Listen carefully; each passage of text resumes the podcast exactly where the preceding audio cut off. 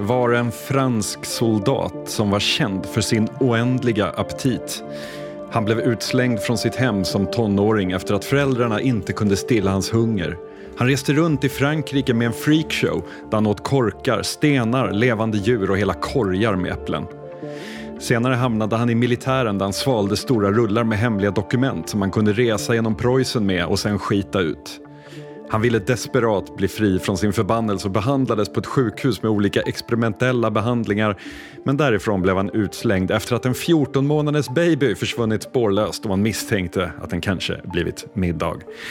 Samma hunger, fast efter kulturens utmarker, finns i den här podden Obiter Dictum som nu med avsnitt 341 ska sluka allt om det höga i det låga. Förhoppningsvis inte med samma slut som för Tarar som klädsamt nog dog 25 år gammal i sviterna av våldsam diarré. Och vi som dukat upp middagsbordet, det är jag som heter Billy Rimgard och min kollega Tobias Norström. Hallå där. Hej! Vad heter det? Det, det, var, det var som en riktig människa Ja, du beskrev. Det lät som en så här seriefigur. Alltså, du vet, eh, jag vet inte vad förlaget heter, men du vet det franska serieförlaget som gav ut Lucky Luke, eller de ger säkert fortfarande ut, och, och Spirou och de där. just det. Det lät som en sån karaktär som, som skulle finnas på det förlaget på något sätt. Ja, men definitivt. Nej, men jag gör så här, när jag, inte, när jag känner mig lite oinspirerad kring hur jag ska inleda avsnitten så trålar jag Wikipedias utmarker där man kan hitta artiklar, bland annat om Tarar. Ehm, Ja, absolut. Alla sätt är bra, utom några. Verkligen. Ehm, vi kommer på en lite udda vecka den här eh, gången. Det var för att förra veckan så uteblev vi PGA. Det är höst, det är skolstarter, det är arbetsstarter, det är förskolestarter och därmed kommer förkylningarna eh, som ett brev på posten kan man säga. Men fear not, vi är här. Eh, jag skulle vilja inleda med en grej. Bara, vi bara rakt på här. Nu kör vi bara. Jag skulle vilja inleda genom att backa bandet till den 3 september 2010. Det är ganska exakt 13 år sedan det. Eh, då släpptes avsnitt nummer 17 som hade rubriken När en humla landar på ett rhododendronblad. Eh, vi ska höra ett litet klipp ifrån eh, det avsnittet. Eh, vi, vi har börjat följa den här HBO-serien Hard Knocks som då går i princip varje år på, under pre-season till NFL, alltså amerikanska fotbollsligan där i USA. Eh, och den, följer då, den här serien följer då varje år ett spe, specifikt lag under deras pre-season träningsläger och liksom kontraktskrivning och så vidare och liksom dramat som utspelar sig inom laget så att säga. Vi tänkte börja prata lite om, om, om just Hard Knocks och om hur sport eh, framställs på film i USA kontra Europa. Sport på film. Sport på film. Eh, utöver det så pratar vi i avsnittet om att vi ska plocka, i avsnittsbeskrivningen står att vi ska plocka upp gamla litteraturdiskussioner utifrån spökskrivaren och sen ska vi spana in förhållandet mellan Justin Bieber och Sigur Ros. Jag misstänker att det var ambient redan då. Men Hard Knocks. Eh, Oh, vänta, vi- det minns jag. Det är nu, nu, oh, vad, vad liksom saker klickar i mitt huvud helt plötsligt.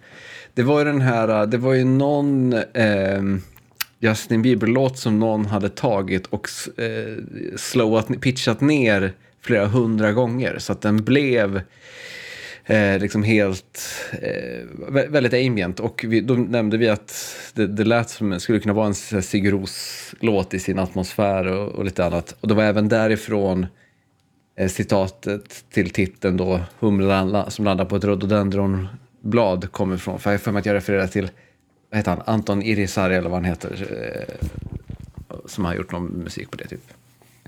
Ja, nu när du säger det så ringer det definitivt klockor. Ja, och vi tittade på Hard Knocks, den här serien. Och det året så handlade Hard Knocks om New York Jets. Riktigt lökiga. Eh, förlorar de flesta matcher. Men så här. Let's go eat a goddamn snack. Just det. Rex Ryans eh, episka kommentar från den säsongen. Ehm, jag har fortsatt kolla på Hard- Knocks och i år handlar det också om New York Jets. Men i år spås de av många bli ett topplag, mycket på grund av att man har värvat en av historiens bästa quarterbacks i Aaron Rodgers. Ehm, och jag har ett till klipp och det är från det senaste avsnittet av Hard Knocks där Aaron Rodgers berättar en grej som hände på kvällen när han var hemma hos sin kompis Steve i New Jersey och eh, grillade. We had this great dinner at his house in Jersey. I was making my way to bed and I had like a 5 a.m. wake up. Uh, and I was, I was getting down to bed. I heard this alarm in the distance going off. It just didn't seem like normal when I heard some rustling downstairs. So I got up, walked downstairs. It was a beautiful night. And up in the clouds, you know, we, we heard this sound and we saw this tremendously large object moving through the sky. And it was like a scene out of Independence Day when uh, the ships are coming into the atmosphere and they're creating this like uh, kind of explosion type fire in the sky. We just saw this incredibly large object and froze, as anybody would, because we didn't know what the hell was going on. And eventually it went out of sight. And about 30 seconds later, we heard the real recognizable sound of fighter jets going. Shoo, shoo, shoo, we looked in the papers and, the, and online the next few days, and there was nothing about it. That got me into researching more about UFOs. The siren or alarm had been from a nuclear power plant, which is about nine miles away. And if you know anything about UFOs, there's a lot of sightings around nuclear energy, around volcanoes, around power plants. But yeah, Steve and I, uh, great friends, teammates, and also witnessed whatever the hell it was. I don't know. But it was definitely unidentified. It was definitely flying. It was definitely a large object. Starkt. Framförallt gillar jag den här musiken, liksom det här pulserandet som får alltså det, det, Om inte du hade berättat att det var Hard så skulle jag tro att det var någon slags eh, liksom, halvdan amerikansk podd. Ja. Eh, för det är väldigt så, vad ska man säga, apelsinredigering. Eh, typ när han ser att det var en, en, en, att han hörde ett larm, hör vi ett larm. När han ser att det var en stilla natt, då lägger man på lite syrsor så man hör att det är natt. Alltså det är väldigt så, allting är väldigt övertydligt. Ja, ja, ja. Men någonstans så hörde jag också ljudet av klick, klick, klick, cirklar som slut. Över en 13-årig ark så har den amerikanska fotbollsrealityserien Hard Knocks och Oddpod på något vis gjort hela varvet runt och Hard Knocks har blivit Oddpod. Vi har inte blivit Hard Knocks, men det finns ändå någonting i, i det här. Ja, det, det här, jag, jag blir nyfiken nu, görs det någonting mer av det här? Alltså är det en, en, en, är det en ark i den här säsongen av Hard Knocks också, eller är det bara ett konstigt vittnesmål? Ja, det här var bara ett konstigt vittnesmål som klipptes in. Eh, de var på träningsanläggningen och han ber någon i i eh, personalen att eh, han pekar ut en snubbe i blå tröja som sitter på läktaren och så säger han så här, kan ni fixa liksom VIP-access till honom så han, han, får komma ner på fältet och hänga med mig. Eh, och då så kommer den här snubben Steve ner och då berättar Aaron Rodgers den här storyn då. We've been through it all together, typ. De spelar fotboll tillsammans på college och sådär. Eh, men, men just det här jag vill veta mer om Aaron Rodgers UFO-research som han pratade om att han har utfört efter den här. Kan vi få en, kan vi få en History Channel-serie kanske när han uh, slutar spela fotboll? Ja, men vi har ju ofta återkommit till att det finns problem ofta när kulturskapare får för fria händer och för få personer som säger nej. Att då, det, det blir sällan särskilt bra. Och jag tänker att det finns nog liknande tendenser med sportpersoner. För alltså, min erfarenhet, och och eh, alla är, det är såklart inte alla, men många sportpersoner är liksom inte kanske de smartaste knivarna i lådan. För att de kanske har fokuserat mer på att träna sin kropp än, att, eh, än på kritiskt tänkande, så att säga. Mm. Um, och, och, så det, det, det, är inte sällan man hör sportpersoner eh, tro på konstiga saker eller ha konstiga åsikter. Senast nu var det väl Djokovic som har någon slags konstigt energihalsband på sig när han spelar tennis. Som, som, eh, ja, det är väl någon slags kristallgrej som har jordens energi i sig som då förs över in i kroppen. Bla, bla, bla. Sånt där bullshit. Det, det finns också massa historier om folk som håller på med sport som slutar äta gluten på grund av att charlataner lurar dem, etc. etc. Och det jag tänker är att så här, när du blir en sån stor stjärna som Aaron Rodgers, då är det liksom så här, det, det är samma sak där. Det finns, det finns för få personer som ifrågasätter eh, saker och ting. För att alla är så här bara, men om det där är hans grej, om det är liksom så, här, så länge han presterar på planen, så om han, om han behöver hålla på med sin, sina ufos på sidan av, så låt honom göra det. Eh, det, det så det, det det, det är svårt att ta Aaron Rodgers på allvar kan jag känna lite grann. Ja, jag tror inte att han är helt oproblematisk heller. Jag tror att han har varit ute och fäktat i så här antivaxer-svängen och sådana där saker också. Så att, eh, låt oss inte sätta honom på någon piedestal. Varför blir det att... alltid så där? Varför är det liksom aldrig någon som bara är du vet, så här, en, en eh, konservativ bankperson som, som eh, bara liksom tror på vetenskap som också bara har sett ett ufo. Det är, liksom, så det är alltid, det, man har alltid fingrarna i fler syltburkar visar det sig när, när en sån här grej dyker upp. Ja, faktiskt. På tal om fingrarna i olika så mystiska syltburkar då. Har du lagt märke till en effekt av lågkonjunkturen som sköljer över oss i detta nu? Ja, det finns väl en del Förutom effekter. höjda priser och så, allt sånt där. Alltså det finns väl en del effekter. Är det någon särskild du är ute efter? Jag tänker på nyvåren för kryptozoologin givetvis. Den har gått mig förbi. uh, ja, nej, än så länge, alltså, vi är två tredjedelar, man måste ju ha tre exempel för att det ska liksom vara en, en trend. Uh, och vi saknar den sista tredjedelen, men den, den går säkert att hitta någonstans. Jag har senaste månaden förlorat mig, eller förlorat mig, men jag har lyssnat på BBCs uh, eh, podd Yeti. Mm. Eh, som handlar om, precis som titeln antyder, sökandet efter jättin.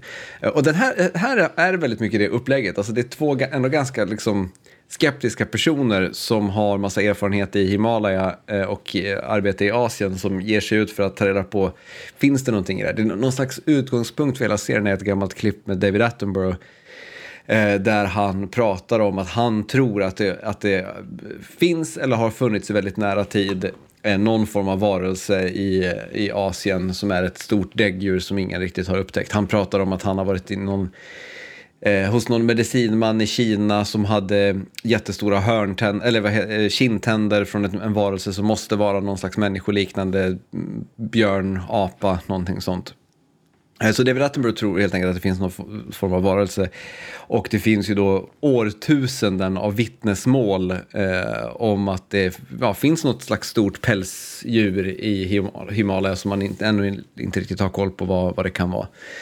Eh, så de liksom ber sig helt enkelt ut för att ta reda på om det här eh, ja, om det ligger någonting i det här. Eh, det är det ena exemplet på att kryptozoologin är tillbaka. Eh, det andra exemplet är att Eh, den 27 augusti så var det, genomfördes den största genomsökningen av Loch Ness någonsin. Mm. Kan du gissa hur det gick? Eh, förmodligen inga större fynd. Inga större fynd. Hittade Nej. nada i princip. Eh, så att, det, det, men men en, likväl så känns det ju som att så här, att det 2023 eh, dras igång gigantiska expeditioner för, för att gå till botten med Loch Ness eller BBC skickar journalister till Himalaya för att hitta Yeti. Det, det, nu kommer main, mainstream. Mm. Jag har ju faktiskt ett tredje. Jag såg, jag såg eh, någon av tidningarna hade en eh, puff till ett videoklipp med rubriken här, här siktas det kinesiska jättesjöodjuret igen, eller någonting sånt. Och så var det någon, någon grynig film, eh, eh thumbnail med någon lång, ja. Så då har vi tre. Ja, absolut. Det, Men, det, där, det är, har liksom en ding-ding-värld bara absorberats in i kvällstidningarna helt och hållet nu? Är det det som har hänt? Kanske det är så. Ja. Men, men jag tänker så här, kryptozoologi är ju, om, om, man tänker, om man ska sätta det in i kontext då, så har ju liksom TV4 de har fimpat Let's Dance, de har fimpat Talang, de har fimpat Wild Kids, alltså så här allt allt sånt där eh, nöjesreality och showreality-grejer eh, försvinner. Det vill säga, det nöjes, det, vi pratar ju nöjesutbudet, våra lägereldar. Och vad finns kvar då av lägereldar? Jo, men det är ju en Loch Ness, det är Yeti, det är Näcken. Det, det, det, det, kommer bli liksom Jocke och Jonna letar efter Näcken. Det kommer bli en sån Youtube-serie som ersätter det här som eh, istället för ja, Jo, men det, finns, det, det finns ju någonting i att det är ett slags sätt att hålla folket rädda för någonting annat, så att säga. Påminna om att visst, du kanske tycker det ekonomiska systemet är piss, men kom ihåg att det finns monster där ute eh, som, de, som de inte berättar för, för dig om. Eh, så det, jag, tror, jag tror att kryptozoologin håller på att få ett uppsving. Jag lyssnade på de två eller tre första avsnitten av Yeti eh, efter att du tipsade mig om den. Ehm, jag tycker den är lite härlig ändå, för det är ju inte så här det, det är inte så hög wow-faktor på det, utan snarare tvärtom att de åker dit och monterar ner flera av de liksom starkare bevisen för det. Um. Jo, det tråkiga är att man lär sig ganska snabbt dramaturgin. Det är liksom att avsluta ett avsnitt med att så här, berätta om att så här, men det finns en person som har blivit överfallen av en jätte och så bara oh shit, det blir spännande nästa avsnitt. Och sen nästa avsnitt då, på, efter tio minuter har de ju som du säger nedmonterat hela den grejen och så börjar de introducera nästa grej bara. Det, det, det blir, it, get, it gets old pretty quick, men, men ändå, alltså mycket är ändå underhållande i serien tycker jag. Mm. Plus att det är ju trovärdigt på ett sätt eh, därför att Himalaya eh, det är ju så otroligt vidsträckta områden som är så sjukt glesbefolkade så att det finns ju liksom en förutsättning för, för det någonstans. Det är lite annorlunda när man kutar omkring i liksom någon dunge utanför Los Angeles och letar efter Bigfoot. Det känns ju inte riktigt så här lika trovärdigt på något vis. Ja, och det är, precis, och det är väldigt otillgängligt. Eh, det, vilket ju gör, alltså Himalaya då tänker jag. Eh, vilket ju gör att det- det mycket, mycket väl skulle kunna finnas någonting eh, där.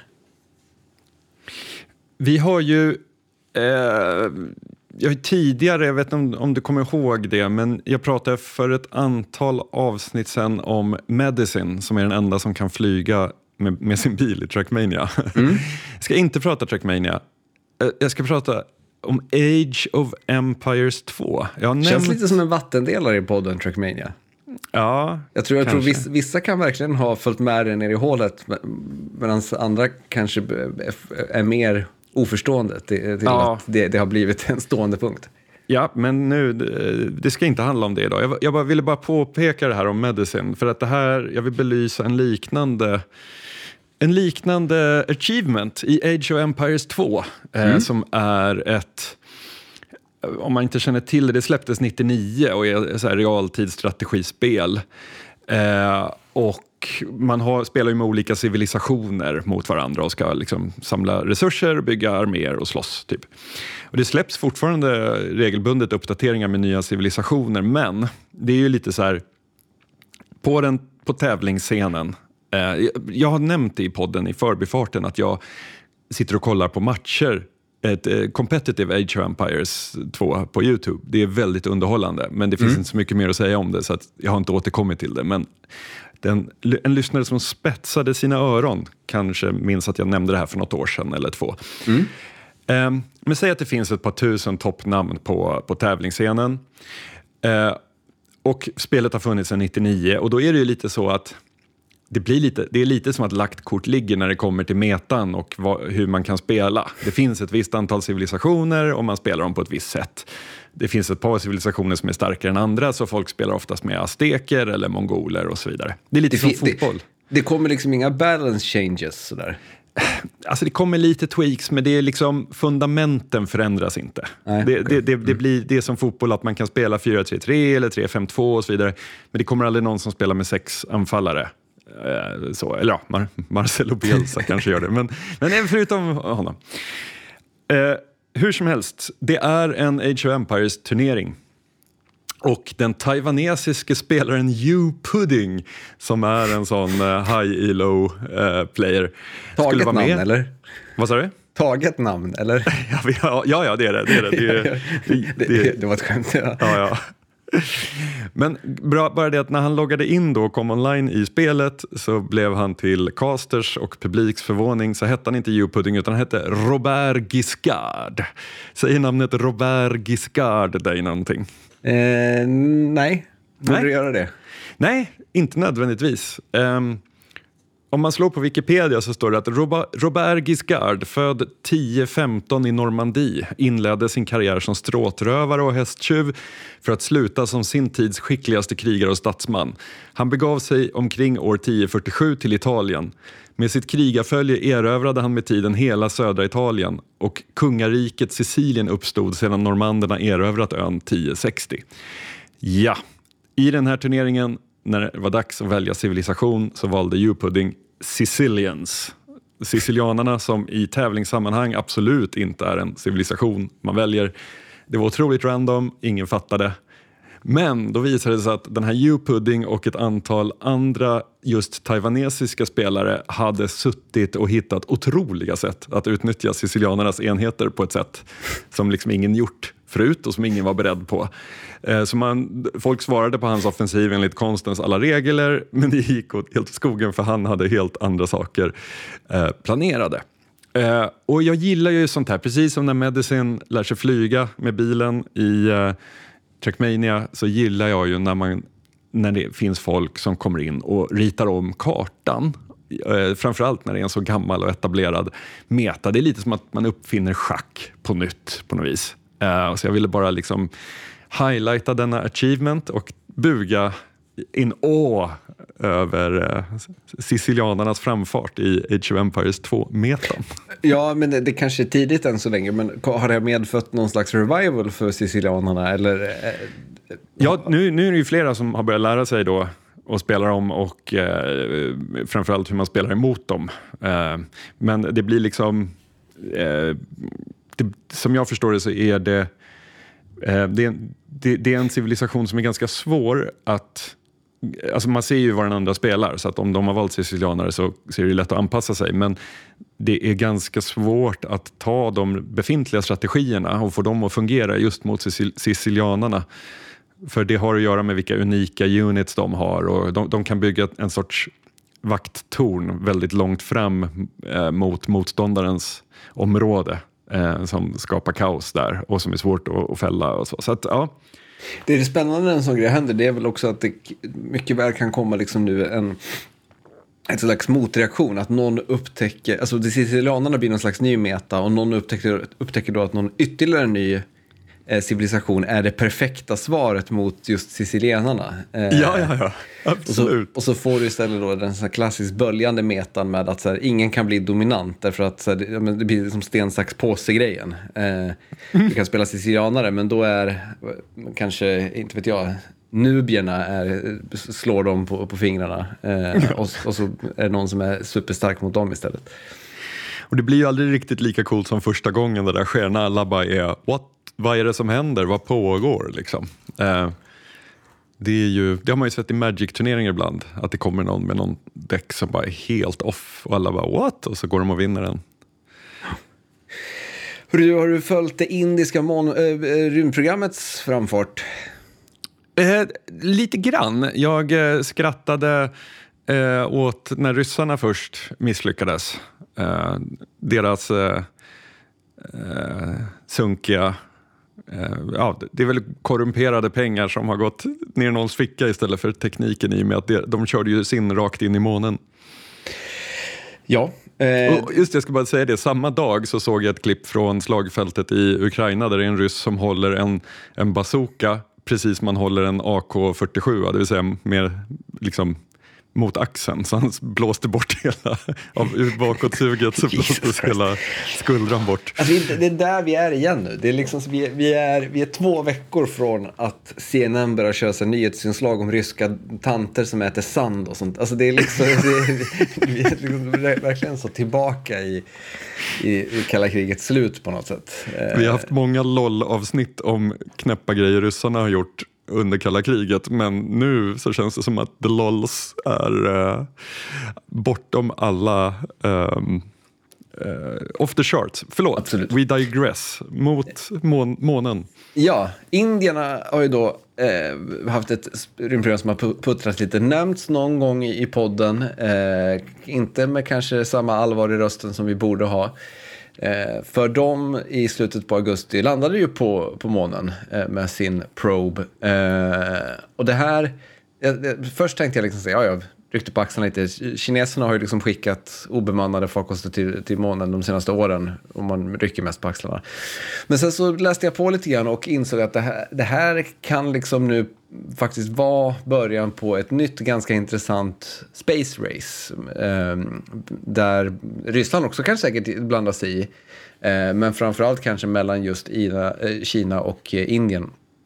Eh, och det handlar ju då väldigt mycket om kampen om månens sydpol. Eh, känner du till, har du koll på månens sydpol? Det är väl där man tänker sig att det kan finnas fruset vatten. Exakt. Eh, det är där man tänker sig att det kan finnas fruset vatten. Och det som är liksom lite intressant med det här racet då är att om det finns vatten där och man liksom tar kontroll över det här vattnet, då finns det ju möjlighet att skapa sig ett enormt eh, försprång i någon slags framtida rymdrace.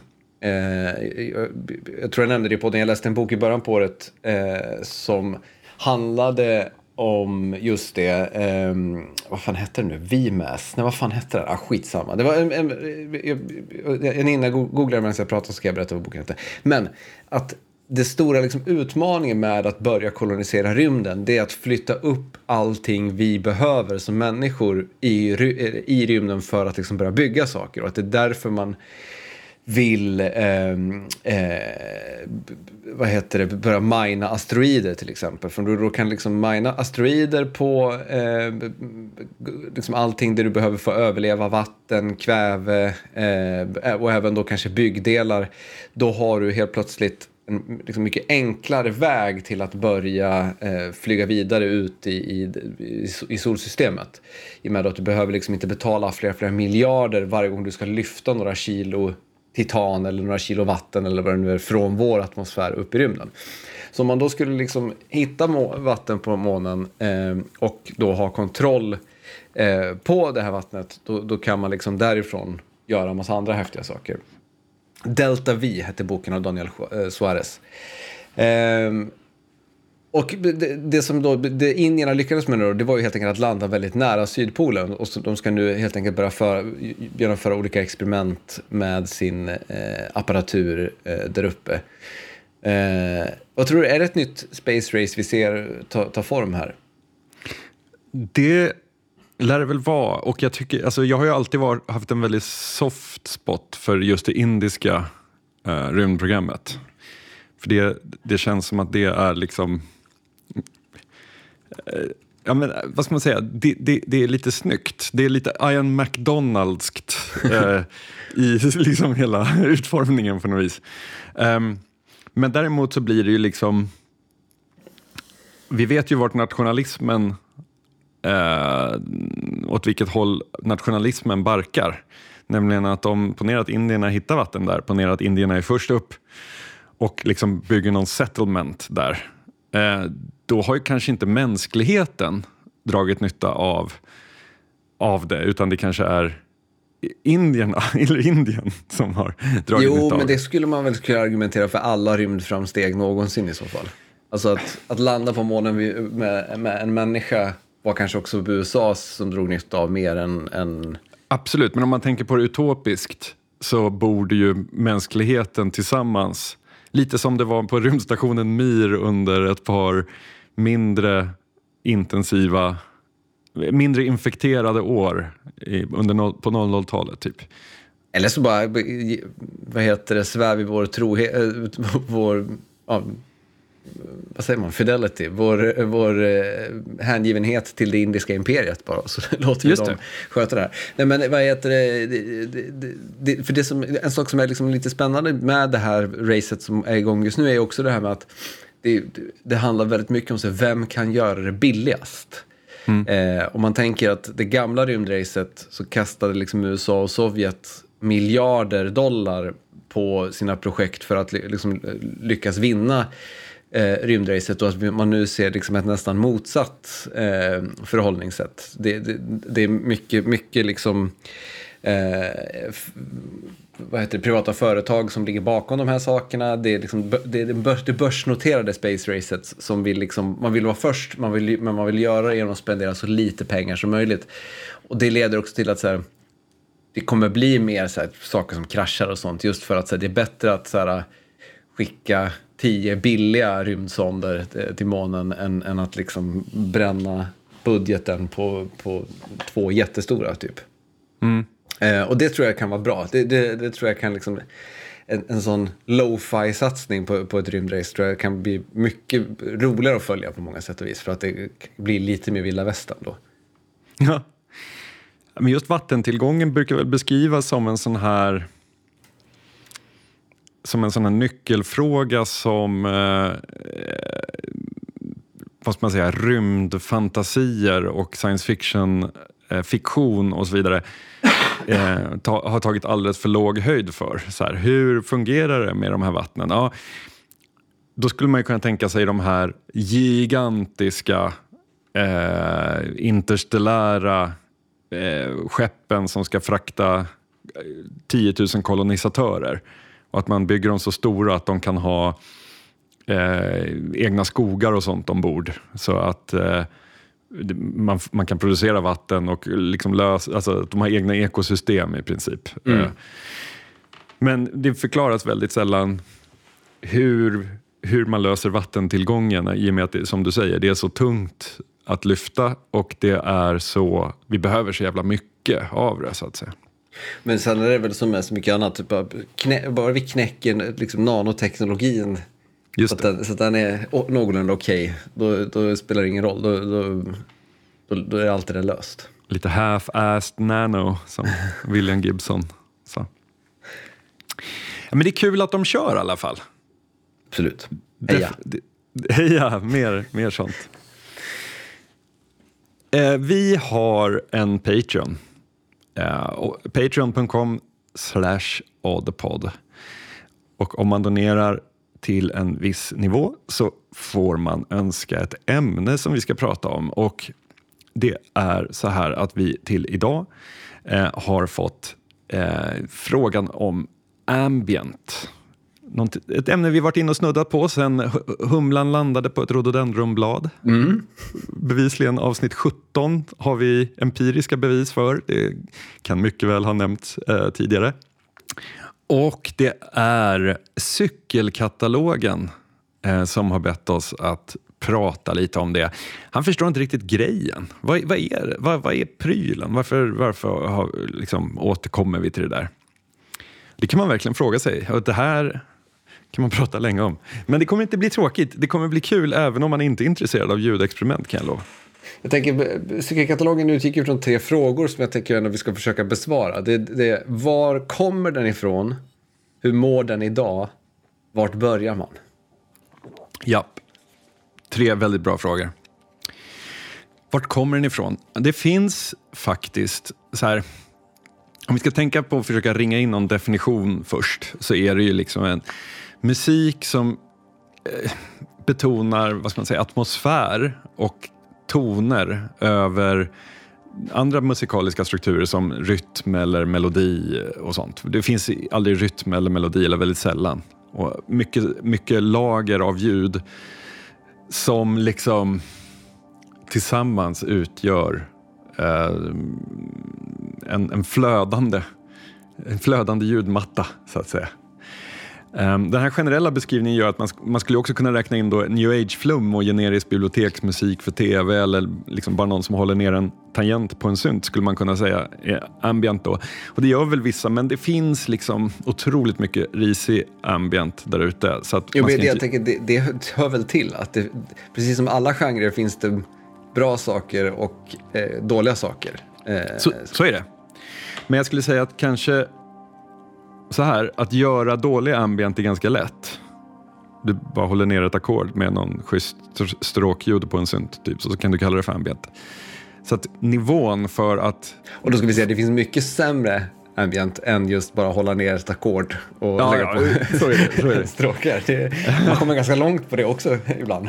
Men, men för någon med gott självförtroende så tänker jag att det är väldigt lätt att göra dålig, lättare att göra dålig ambient än att göra dålig liksom... Nej, det kanske inte är. Skitsamma. Men jag tänker utgå lite från så här, vad jag... Alltså för mig så är ju ambient på något sätt handlar om att närläsa ljud. Att faktiskt lyssna på... För vi gör det ganska sällan när det kommer till ljud. Om, om vi känner en så här stark doft av matlagning så reagerar vi. när vi betraktar en vacker vy någonstans så lägger vi upp den på Instagram och tror att det ska gå igenom eh, skärmen hur vackert det är. Men det är väldigt sällan vi hör ett fint ljud och reagerar på det eller tänker ens på ljuden runt omkring oss. Um, jag läste i David Toops bok uh, Haunted Weather där han berättar om hans mamma och um, ett, så här, ljudet av tyska zeppelinare, deras motorer när de gled över London under andra världskriget, att det är ett så här, ljud som för henne bär med liksom, massor av känslor, tankar, re, eh, referenser. Men det är ett ljud som inte finns längre. Det är ett, ljud som ingen annan kan uppleva, typ. Mm. Eh, och där någonstans tycker jag man börjar ringa in så här, ljudet, liksom. Eh, ljudet i centrum. Men jag skulle också säga att en, en styrka, eller snarare någonting som för mig i alla fall har varit väldigt attraktivt med ambient, är ju att det kan vara både väldigt ba bakåtlutad lyssning och väldigt framåtlutad lyssning. Alltså, ja det kan verkligen vara sitta ner och, bara, och ha hörlurar på sig och bara lyssna på eh, ett album eller ett stycke och liksom helt försvinna in i det och höra varje ljud som, som du är inne på. Liksom så här, höra vad är det som låter och hur låter det och hur, hur uppstår den här atmosfären som jag, som jag hör. på samma sätt som det kan vara någonting jag har på när jag går en promenad försjunken i tankar och liksom så här, det snarare blir någonting som så här, eh, samspelar med andra sinnesintryck. Att man liksom, så man står vid en sjö och helt plötsligt så låter den här Johan Johansson kompositionen helt annorlunda mot när jag satt hemma och lyssnade på den så att säga. Eh, och det, det, det, tycker jag man upplever mycket starkare, of, eller åtminstone mycket oftare med just ambient snarare än med mycket annan musik. Verkligen, så var det ju. Um, men så här, Erik Satie hade ju någon idé om att göra musik som skulle vara en helt integrerad del av omgivningens ljud, oavsett vilket ljud som fanns i omgivningen. Uh, och det, det, är en idé som liksom finns i uh, japanska tempelträdgårdar från 1600-talet så finns någonting som heter eh, uh, Suikin Kutsu som bokstavligen betyder vattenpianogrotta. Det är en sån grej man bygger under marken Eh, där det finns rinnande vatten. Fast med små stämda klockor som vattnet liksom rinner ner och faller på under vattnet. Så det är som wind chimes fast för vatten. Det är liksom ambient i dess renaste form någonstans. Um, och Pierre Schaeffer, 40-talet, jobbade med något som hette musik konkret som var liksom inspelningar av ljud från natur och miljö som manipulerades på tape-loopar för att skapa kompositioner. Och ett, eh, just för att besvara frågan var kommer den ifrån? Eh, så är väl ett av de mest kända exemplen på den här typen av laborerande med... På, på, på den här tiden hette det ju inte ambient, det, det uttrycket myntas senare. Men ett av de mest kända exemplen är väl John Cages verk 433 som när det framfördes första gången så kom en pianist in i konserthallen, satte sig vid pianot och stängde locket. Och så satt han där i 4 minuter och 33 sekunder. Eh, och publiken var missnöjd och tyckte de hade blivit lurade och John Cage sa så här. Um, they missed the point. There is no such thing as silence. What they thought was silence because they didn't know how to listen was full of sounds.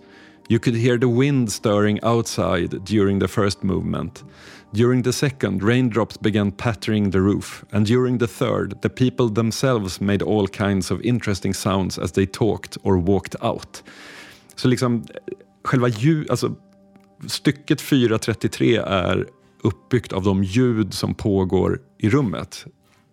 Det vill säga man måste kort, lyssna på det. En kort side-note är ju också att det, det, det finns ju till och med Eh, nästan mer som en filosofisk tanke, det finns ju till och med liksom idéer om att här, människan är inkapabel att uppleva tystnad. Det finns astronauter som har vittnat om att när du befinner dig jag heter det, på, på en, en rymdpromenad exempelvis så börjar du höra din puls i öronen, du börjar höra kroppens hjärtslag. Alltså en, en, en, en, alltså en människa kan inte förnimma tystnad. Därför att om vi har ett fungerande hörselorgan så börjar andra ljud höras i vår kropp. så att säga. Så att det är en just väldigt det. intressant tanke med just med 433 och att vad, vad som är vad så att säga. Och allt det här, liksom, alla de här idéerna fanns tidigare men liksom, uttrycket ambient music myntades av Brian Eno på 70-talet. Det eh, finns någon story om när han ligger på sjukhus och sitter och liksom lyssnar på alla apparater och maskiner som pågår eh, och inser att det ju också är musik. Eh, och han började ju göra music, ett antal album som heter Ambient 1, Ambient 2, Ambient 3 och så vidare. Music for Airports heter väl det första. Och jag, Eh. och jag skulle ändå säga att man skulle verkligen kunna kalla Music for Airports för någon slags patient zero.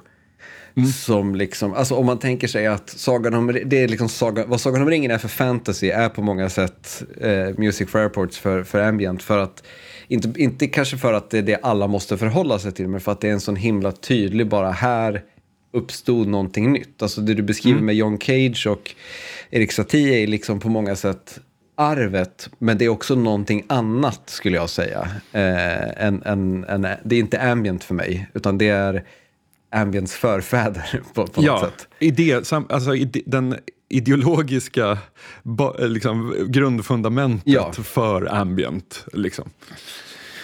Men det, det som jag tycker är intressant är ju att Brian Eno absolut inte vill göra musak. Det, liksom sån bakgrundsmusik, hissmusik som bara finns i bakgrunden i affärer och så vidare. Utan han ville ju göra musik som var en naturlig del av omgivningen men också förstärkte omgivningen, eller vad man ska säga. Eh, som, Fång, som har Fångar omgivning kanske. fångade omgivningen, exakt. exakt. Ehm, för liksom, det, det som är styrkan i det för mig, det är lite det här eh, det finns något så här gammalt citat som jag är osäker på vem det är. Det kan vara så här Steve Reich som är så här, om någonting är tråkigt i en minut, kör det i två minuter. Om någonting är tråkigt i två minuter, kör det i fyra minuter och så vidare. För att om man upprepar någonting tillräckligt länge så blir, börjar saker, alltså hjärnan börjar fylla i the blanks och så.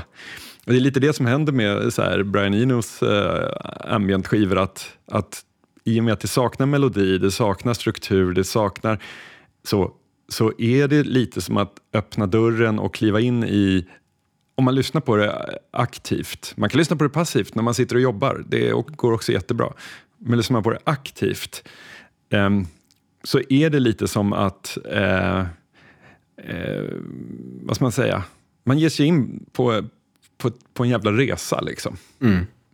Jo men verkligen. Och sen skulle jag också säga att Alltså Music for Airports och många av dem i, i den serien är ju också väldigt Alltså det är väldigt vacker musik. Alltså det, det, det, det, låter, det låter nästan banalt när man säger det. Men, men alltså jag tror att det ändå är en viktig komponent till varför man eh, dras till det. Eller varför man liksom finner någonting eh, i det. För att eh, alltså det är ju inte, det är inte flum. Alltså, på, alltså så här, det, det, är inte, det är inte flum som är att man så här som att lyssna på noise eller någonting, att man liksom så lyssnar och tänker vad är det här? Utan man hör ju vad det är. Alltså man hör att, det, att det, det finns eh, liksom ljud, det finns toner, det finns instrument. Eh, bara det att det inte låter som liksom, ja, konventionell popmusik eller konventionell klassisk musik, utan det låter som någonting annat. Liksom.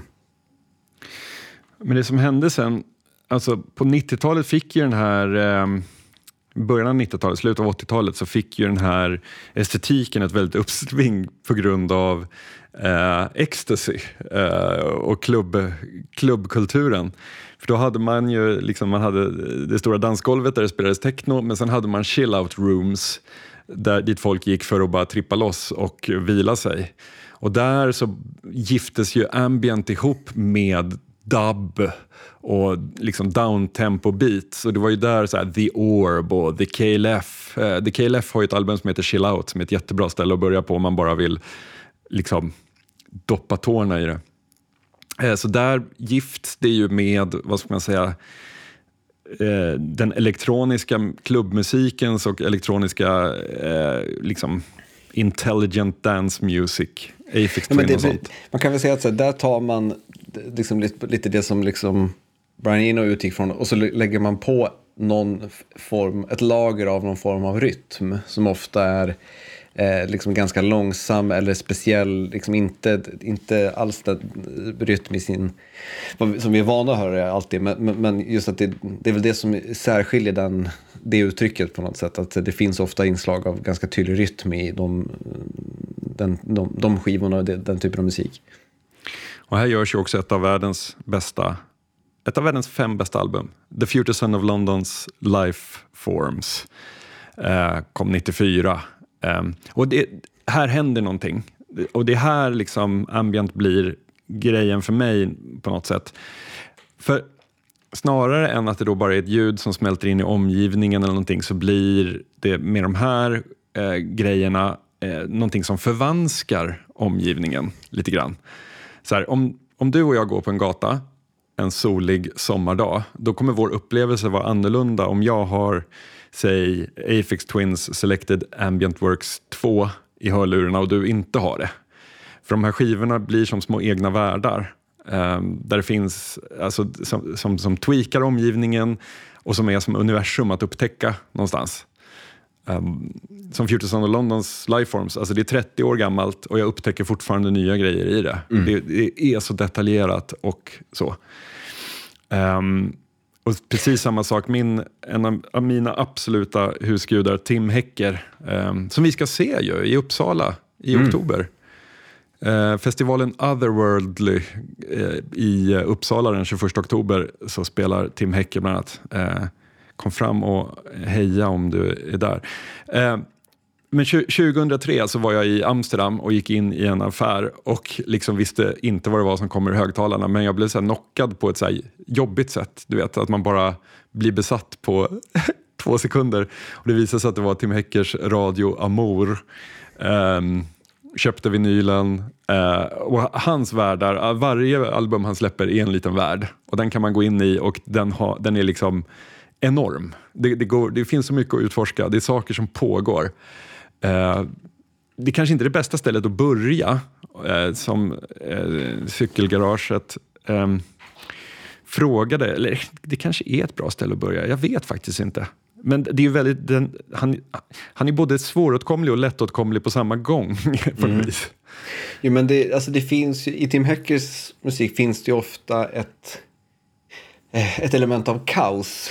eller vad Ja. man ska säga. Alltså det, du, har, du har den här liksom atmosfäriska harmonin men sen så fylls den oftast av mer kaotiska inslag eller liksom vad heter det, distortion och liksom saker som, som skrapar och som liksom går emot den här harmonin. Eh, och det är ofta det som liksom gör, gör den intressant. Men, men, det- så det är väl det som gör att den kanske inte är så nybörjarvänlig. Men jag skulle säga att du, du, alltså, du nämnde Selected Ambient Works. Jag skulle säga att liksom Brian Enos tidiga skivor där med, med, eh, när han utforskar uttrycket tillsammans med hans Apollo-projekt. Eh, Tillsammans med eh, Selected Ambient Works 1 och 2.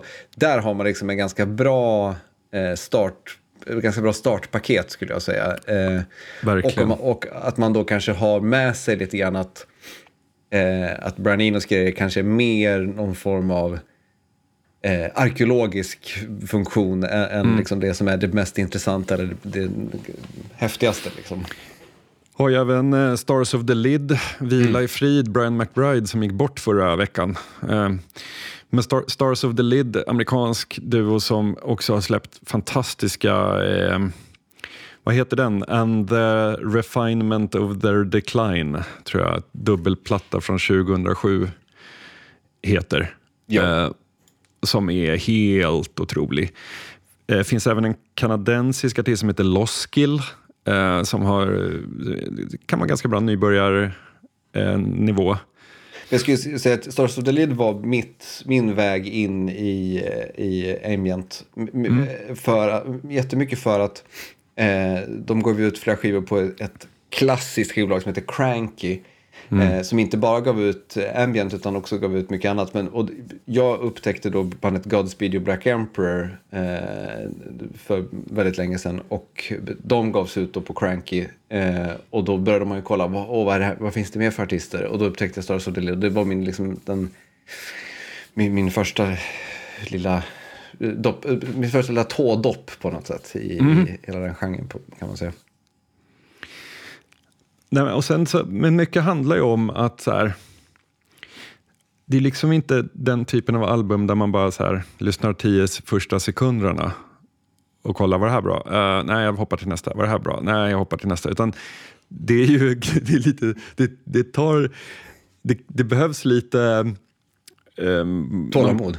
Vad sa du? Tålamod. Tålamod, exakt. Lite pannben för att ehm, ge sig själv tid. Alltså, vi, man tänker så här, ja, men hur stor kan skillnaden vara? Det är musik utan rytmer, utan melodier, utan struktur. Eh, och eh, det är enorm skillnad. Alltså så här, skillnaden mellan ett album man gillar och ogillar eh, är supertydlig, men det är ganska svårt att sätta fingret på liksom, varför man gillar det ena Jo, men jag skulle säga att det som skiljer det från liksom popmusik och gör att det har en sak som det har liksom lite mer gemensamt med klassisk musik är ju att det bygger väldigt mycket på en helhet. Alltså det behöver inte nödvändigtvis vara en hel skiva, men en, en, en, en, en låt i alla fall eh, är varje del är liksom beroende av de övriga delarna. Det finns ingen hook som är liksom grejen. Eh, utan det, det, det blir någonting först när du sammanfogar alltihop. Det kan handla om kontraster, det kan handla om liksom en slags dramaturgi i musiken där saker läggs på och tas bort eller, eller höjs eller sänks. Och, och de, där blir liksom helheten det som sticker ut på något sätt. Jag tänker att det är väldigt talande det du säger att det är eh, att gå in i en värld. För att det händer ju liksom så mycket när, när man saknar de här sakerna som man vanligtvis håller sig i när man lyssnar i musik. Då börjar man liksom leta andra mönster på något sätt. Och jag tänker att det är där det blir väldigt eskapistiskt att lyssna på sån här musik. Vilket jag också tror är anledningen till att det känns som en genre som är väldigt mycket oddpod. För att så här, ja, man börjar liksom leta andra saker och hitta andra saker än de, där, än de, de som man är vana att hitta. Och det sker ju bara av, av liksom just repetition eller av att man ger det tid för att låta de här styckena göra sin grej på något sätt.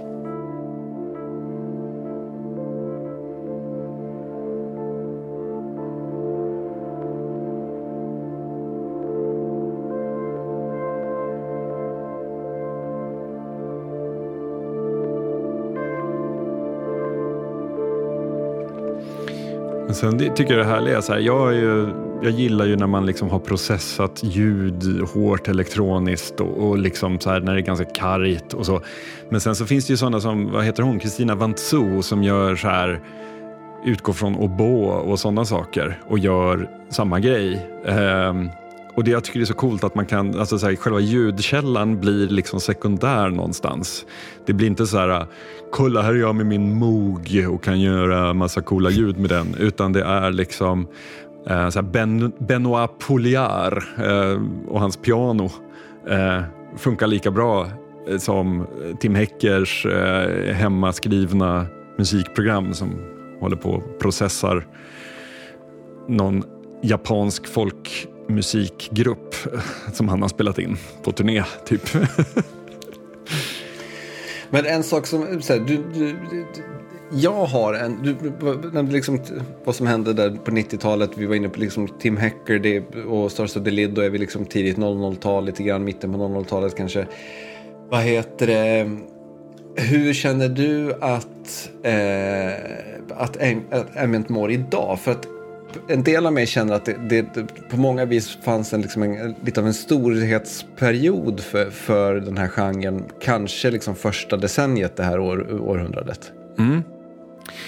Jag tror att det har så med mycket annat att göra. Eh, tillgången på, alltså så här, under första, första decenniet eh, så krävdes inte bara komposition utan också ett ganska stort hantverk. För det fanns liksom ingen, det fanns ingen, eh, vad ska man säga, ambient machine man bara kunde köra in vad som helst i och så kom det ut ambient. Det gör det idag. Eh, det finns så mycket liksom plugins eller eh, gitarreffektpedaler eh, och sådana saker som i princip liksom du kan, du kan köra in det mesta och ut kommer den här ljudmattan vilket gör att det finns många som gör det.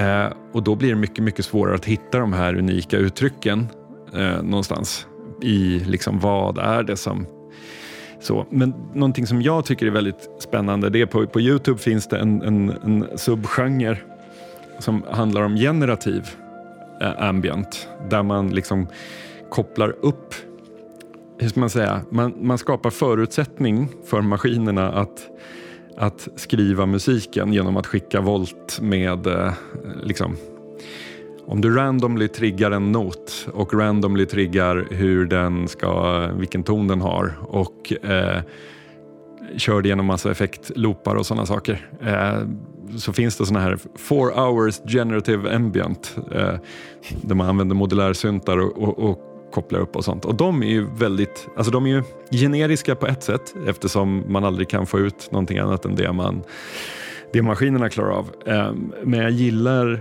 Eh, jag älskar den tanken att här, ta ett steg tillbaka, att bara koppla ihop grejer och ge, sätta förutsättningarna för det och sen låta, låta det ske. Det, mm. det är en intellektuellt sett eh, intressant del.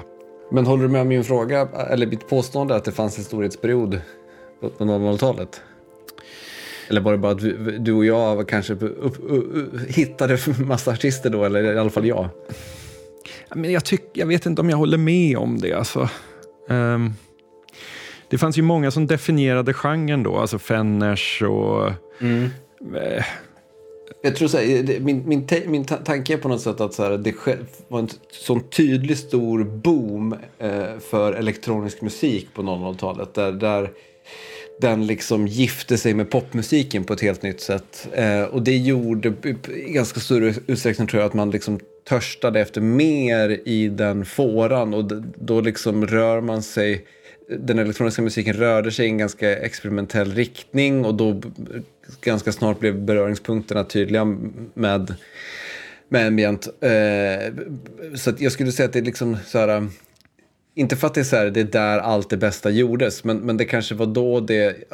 Och det känns som att det var hur... Så vi pratade om att vi ska på en, på en, en liksom minifestival i Uppsala. Det känns som att då var det sådana, bara i Sverige, typ två gånger om året. Mm. Eh, i, i, Stockholm fanns liksom Fylkingen som bara körde hur mycket grejer som helst. Det var så små festivaler i, industrilokaler. Nu är det liksom Norberg still going strong. Men eh, det, det är inte riktigt samma samma grej. Eh, men Fast... med det sagt vill jag ändå säga att jag tycker inte att det har skett någon slags tillbakagång eller så. Det, men det kanske är en, en genre som nu existerar lite mer i skymundan eller vad man ska säga. Det fast, släpps fast... otroligt mycket bra album, men man får gräva lite mer ändå än att Fast jag tror att det handlar om att du och jag har klivit ut ur communityn snarare än att communityn inte finns. För jag menar i Gävle finns ju Lamour Records och Lamour Podcast som, och de håller på att arrangera massa, massa smågig och det pågår liksom det finns något, ett, ett, någonting som heter Ambient under stjärnorna som arrangeras varje år eh, på en, eh, på en eh, veranda. Um, där liksom folk sitter i trädgården till en villa och ser ambienta framträdanden. Eh, du har Fylkingen som i och för sig har blivit vräkta men som ändå har liksom ett digert program. Eh, jag, jag, jag tänker att det där pågår hela tiden, det är bara det att man inte är med i svängen. Kanske. Men ska, alltså så här, är du med i svängen då? Nej, nej. nej, nej. Jag, för jag tycker ändå att det är en av de få genrer där jag ändå någorlunda är med i svängen. Jag har, jag har en en, eh, eh, kanske inte tradition, men de senaste åren så har jag liksom varje januari påbörjat en ny spellista som är liksom årets ambientlista. Och sen vart efter året går så lägger jag in liksom nya skivor som jag tycker är bra i genren. Och, och liksom, sen i slutet på året och så har man som ett litet fint bokslut eh, vad heter det, över de sakerna man gillade. Och sen blir det liksom lite så att det har blivit lite annat i den listan också. Men, men det är liksom i det universumet. Eh, det, du vet, det blir något neoclassical album som glider in där och lite, lite, lite sådana saker. Mm. Eh, men så att jag, och så här, jag, jag skulle säga att det är det är inte en död genre på, på många sätt och vis och den är precis lagom i skymundan nu skulle jag säga för att man typ får kämpa lite grann för att hitta pärlorna samtidigt som det är, händer väldigt mycket i den på något sätt. Vi ska åka till Sundbyberg någon gång i höst och vinter. Där har en ny eh, klubb för detta som heter Klubb Klangrum eh, startats på en bio. Mm. Eh, fan, jag borde pinga dem och fråga om jag skulle kunna få göra ett Frönnes-gig där kanske. Jag har, rep, jag har repat ett liveset med Fränäs, men jag vet inte hur, vad jag ska spela som sagt. Jag tycker det är svårt och man vill att det ska vara rätt, eh, rätt kontext liksom. Jo, sen är det väl, det, det är väl som det här med om man är på dans. Man vill ju inte vara den som bjuder upp. Ja, där, det har jag gått förbi för länge sedan. Okej, ja. Jag tigger på mina bara knän om att få göra min grej. Ja. Ja. Vi har namedroppat massa grejer. Vi kanske kan skriva i avsnittsbeskrivningen bara en lista på lite goa eh, album att lyssna på. Jag kan länka min 2022-lista så får man några goa. Det är lite all, allt ifrån Burial till Pan American till Lise Jonsson till eh, Sophie Birch. Mycket, mycket gott där. Gött, ambient, bra skit. Ja, Med det så ska vi väl ta och avrunda va? det ska vi. Det blir lite specialare då. Det här avsnittet kommer ju som du var inne på i början en udda vecka, vilket gör att det kommer bara vara en vecka till. En vecka kvar till nästa Oddpod. Ja, Som på den gamla goda tiden. ja. Härligt. Vi eh, hörs då. Det gör vi.